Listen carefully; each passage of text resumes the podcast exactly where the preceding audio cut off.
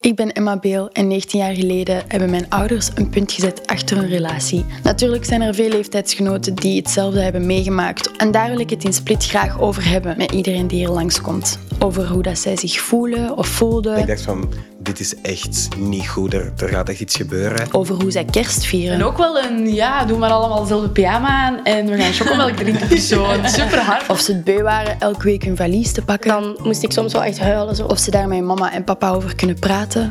niet het geval. Nee. Over pispotten een, een pispot en dan moest je niet helemaal naar beneden om naar het toilet te gaan. en over wisseloutfits. Een wisseloutfit. Zwat, over de kleine dingen Bram, stop en kom maar kijken. En ja, kom niet kijken, zus, want dan ga ik het nog meer doen. en over de dingen die misschien al jaren onbespreekbaar zijn. Om dan zo dat gesprek te openen is nog wat moeilijk. Misschien klinkt dit wel heel herkenbaar voor jou. Fuck, waarom heb ik dat niet? Luister dus zeker naar Split op VRT Max. Doei.